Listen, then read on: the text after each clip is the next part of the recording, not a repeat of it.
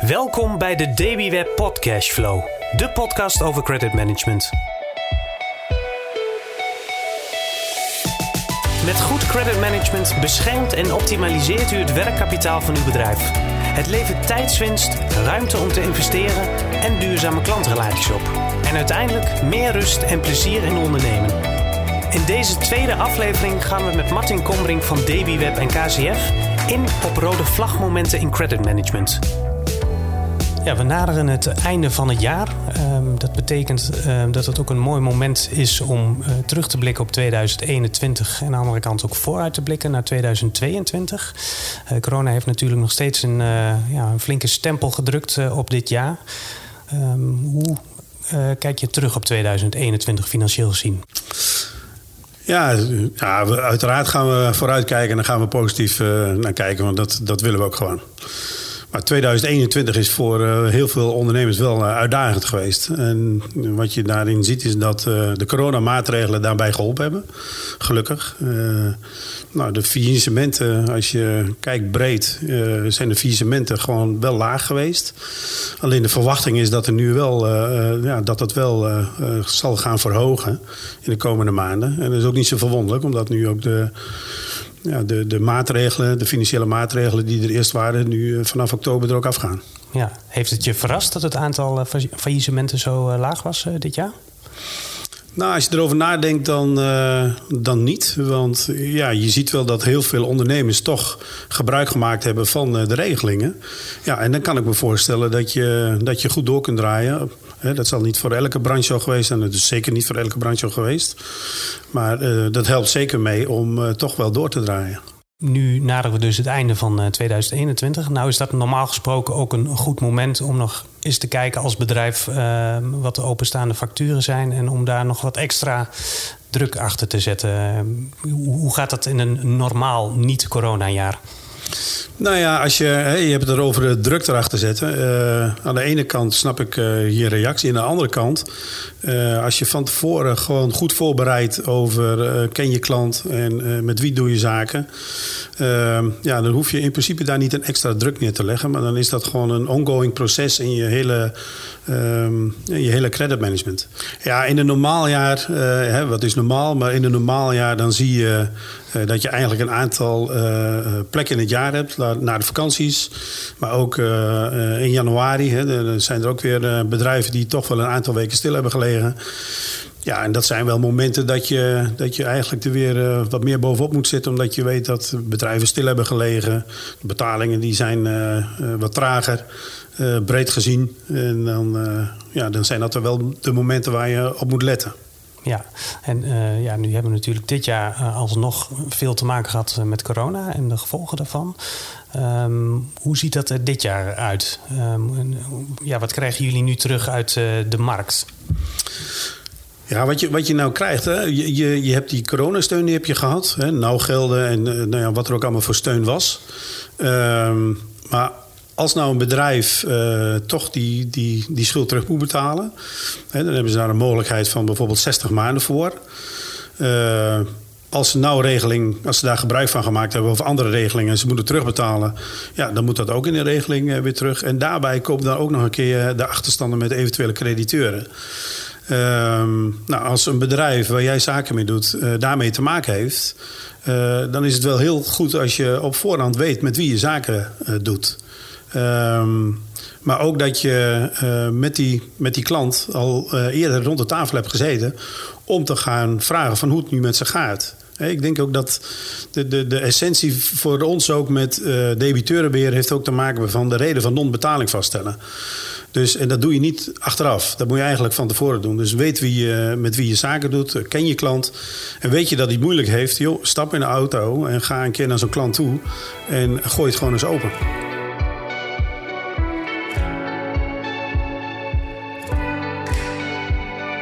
Is de verwachting nu ook aanwezig omdat die coronasteun uh, weg is gevallen sinds oktober? Dat er veel bedrijven alsnog gaan omvallen? Nou, de verwachting is wel dat de faillissementen gaan stijgen. Dat zie je in de bladen, zie je dat. Dat zie je, dat zie je wel gebeuren. Ik kan me voorstellen dat dat ook weer een sneeuwbaleffect veroorzaakt. Ook, ook voor bedrijven die misschien op dit moment eigenlijk geen problemen hebben. Toch uh, in, in de val naar beneden worden getrokken door bedrijven die wel uh, ja, bijvoorbeeld failliet gaan. Of ja, dat zou inderdaad kunnen. Ja. ja, dat zou inderdaad kunnen. Dus ja, nogmaals is het ook goed om je debiteur te kennen. En ik hoop dat je op voorhand al weet wat de, wat de status daarvan is van een schuld van een klant. Ja. Kijk, als je dat weet, een voorbeeld, hè, als, je, als je nu niks doet en je wacht af tot januari, ja, dan weet je sowieso dat je vakantieperiode achter de rug hebt. En dan is in januari, nou ja, dan is het weer twee weken dat ze bezig zijn om uh, op te starten. Dan in de derde of de vierde week, de tweede helft van januari, dan begint man er weer naar te kijken. En denk ja, er moet dan wel wat gebeuren. Ja. En dat moet je eigenlijk proberen voor te zijn. Hè? Dus zoals nu ook, als je, uh, wat, wat ik mensen zou aanraden, maak daar ook gewoon een plan van. Als jij eh, veel debiteuren hebt en je, wil daar een, je kunt daar een schifting maken van welke uh, nou, grote klanten met grote risico's uh, moet je benaderen bijvoorbeeld. En waar ga je afspraken mee maken. Maak die afspraken ook concreet. Zet die ook op papier. En deel die ook met die klant. Maar vooral ook van joh, dat je, dat je in, die, in die fase zet ja, dat je hem ook wil helpen. Want iemand die moeilijk of of op dit moment niet kan betalen, ja, daar kun je beter een goede afspraak mee maken. Maar wel uh, wel, concretiseren. Nou, stel, je hebt als bedrijf um, heb je een aantal uh, debiteuren die niet kunnen of willen betalen. En je wacht te lang met actie ondernemen aan het einde van het jaar. Waar loop je dan in 2022 tegenaan? Ja, het is natuurlijk heel afhankelijk van hoe een bedrijf in elkaar zit. Als jij uh, over het algemeen uh, liquide sterk bent en je kunt wel wat aan, ja, dan zal dat gevolg niet zozeer hebben richting het betalen van je crediteuren. De andere kant is dat als je dat niet hebt, ja, je daar ook pijn kunt gaan voelen. En je zelf afspraken moet gaan maken omdat anderen niet betalen. Dat is eigenlijk een simpel voorbeeld. Dat is wel een, dat is wel een kettingreactie.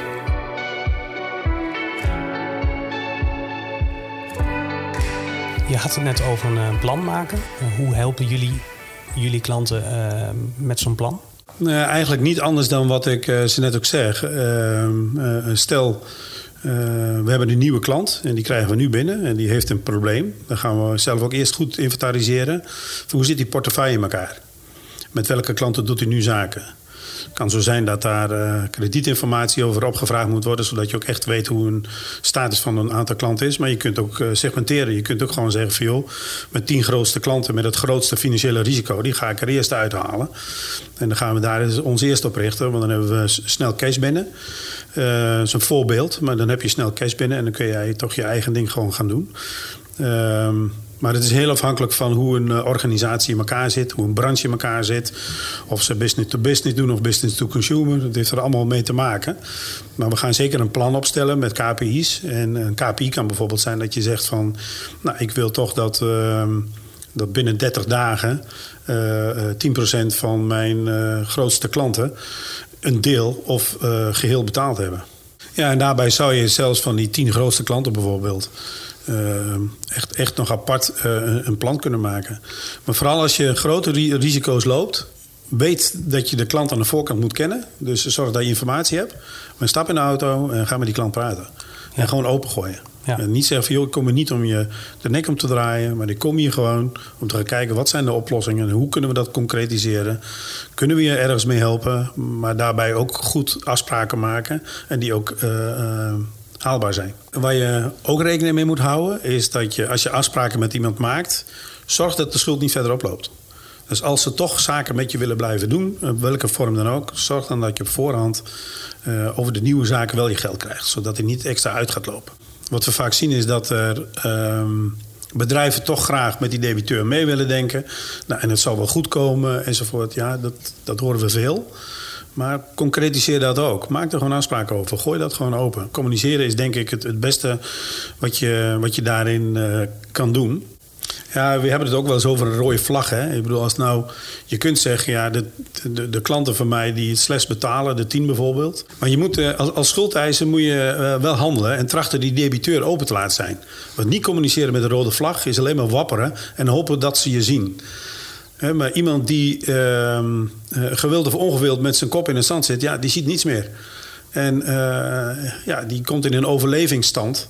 Ja, en ja, dan is het maar de vraag of je hem nog kunt helpen. En laat staan, uh, je, je, je geld krijgt. Want daar gaat het uiteindelijk om. Ja. Want jij moet zelf niet om gaan vallen.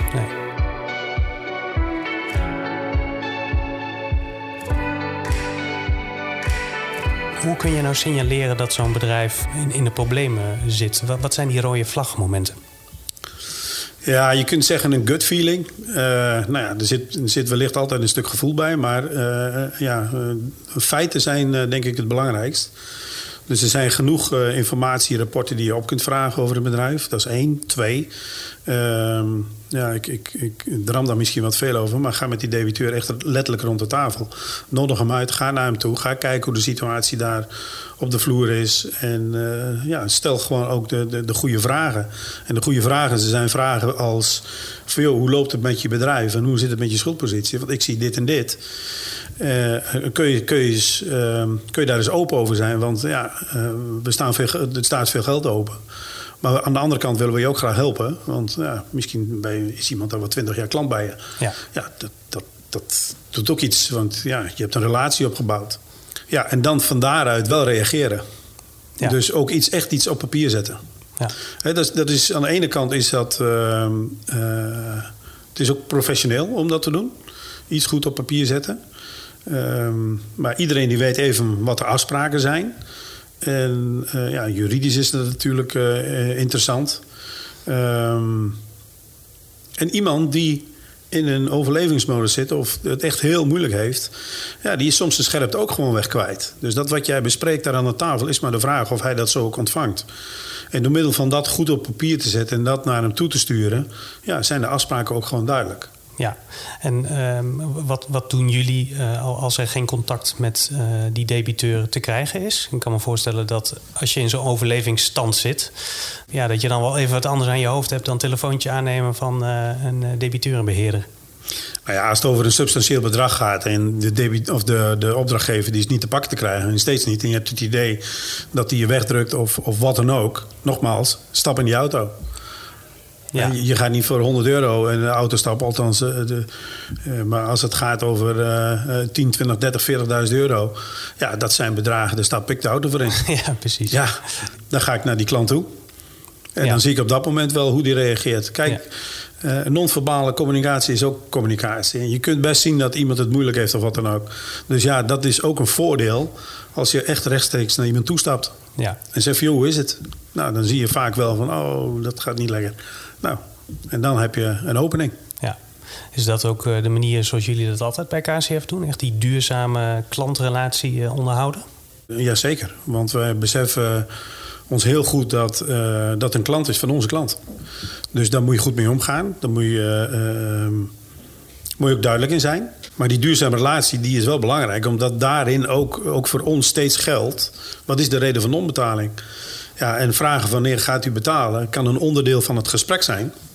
Maar weten waarom iemand niet betaalt of waarom hij steeds zo laat betaalt, ja, die is veel essentiëler. Want dan krijg je echt uh, antwoorden.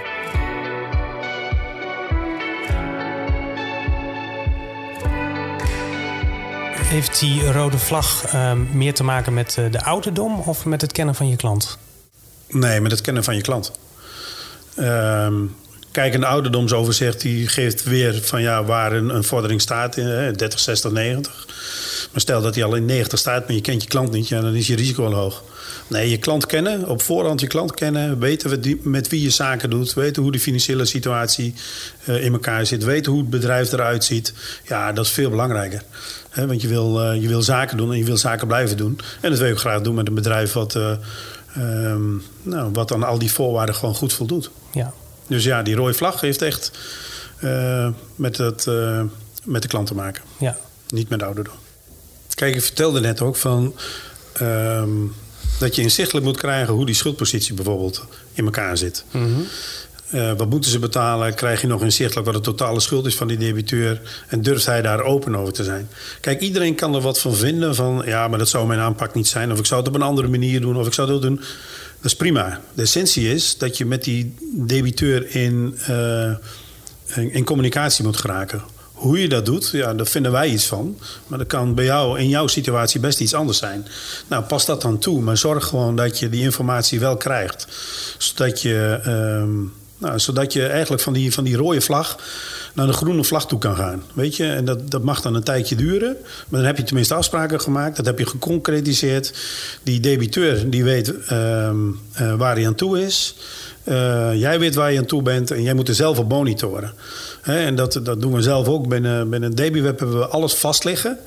Uh, van wat de afspraken zijn. DebiWeb meldt dat zelf, geeft dat zelf aan. Dus daar hoef ik niet over na te denken. Ik zet het één keer in het systeem. Dus ik weet ook uh, wat mijn uh, pijlers zijn in, in, die, in die opdracht. En ehm, ja, dat houdt het bij. Maar zorg gewoon dat je het goed vastlegt.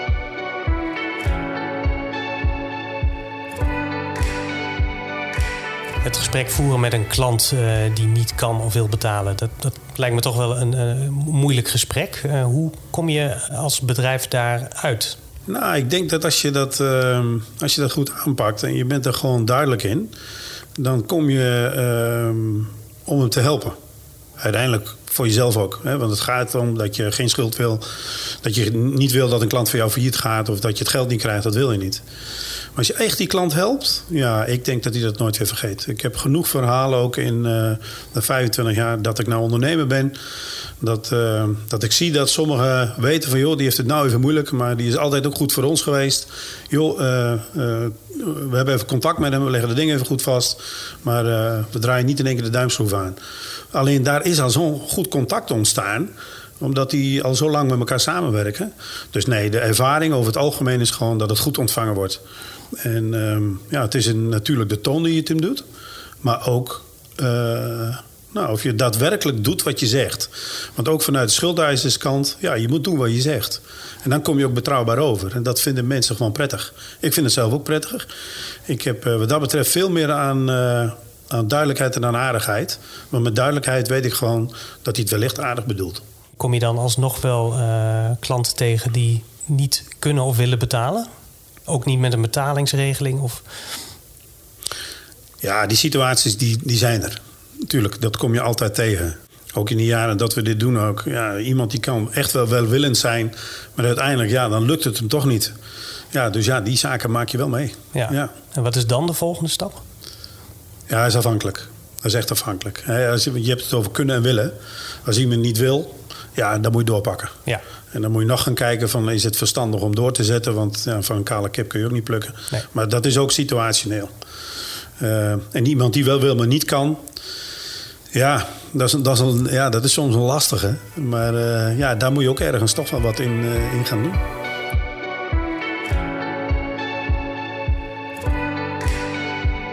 Als je terugkijkt naar 2021, wat zijn dan de lessen die jullie hebben geleerd? Nou, wat wij ervan geleerd hebben, we hebben in die periode hebben wij uh, uh, eigenlijk onze credit management software helemaal uh, geoptimaliseerd. dat is twee jaar geleden is dat al begonnen. toen wisten wij nog niet van corona af. Alleen nu in dat hele proces en ook dat met corona die applicatie hebben gebouwd, zien we echt daar de voordelen wel in, ook richting de klant. Omdat we verwachten dat klanten er zelf nou ja, toch wel dichter bovenop zitten. Dat is hartstikke goed. Uh, nou, en daarbij hebben wij een uh, applicatie ontwikkeld die in die zin ook makkelijk toegankelijk is, makkelijk te gebruiken is, snel in te schakelen is. waardoor je dus ook inderdaad je liquiditeit waarborgt. En ja, in dat hele proces van ontwikkelen, ja, dat gaat nu wat te ver, maar daar zijn we wel heel creatief geweest. Ja, ja. dus eigenlijk kwam DBWeb op het juiste moment. Ja, dat kun je wel zeggen, ja. Ja, we hadden de keuze eigenlijk al, uh, het is nu 2,5 jaar geleden volgens mij. Ja, 2,5 jaar geleden gemaakt van joh, we gaan een volledig nieuwe applicatie bouwen. We hadden natuurlijk al een applicatie. En um, ja, dat kwam echt wel op het goede moment. Ja, zeker.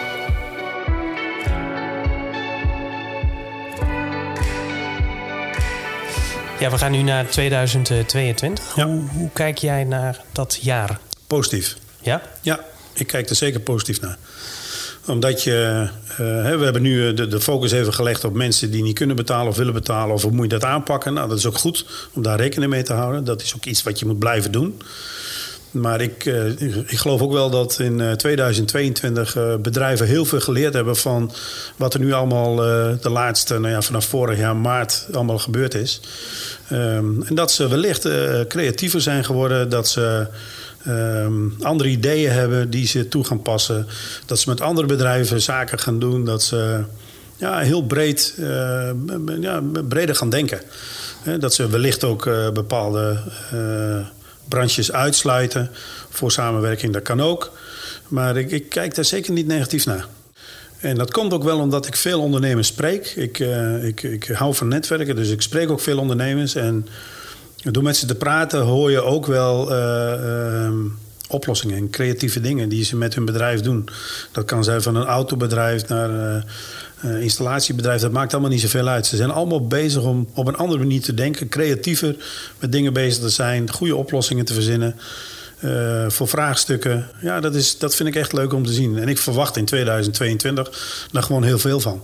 Ja, dus wat dat betreft denk ik dat ik best eens mag zeggen dat we trots mogen zijn op onze ondernemers in Nederland. Ja. Zeker.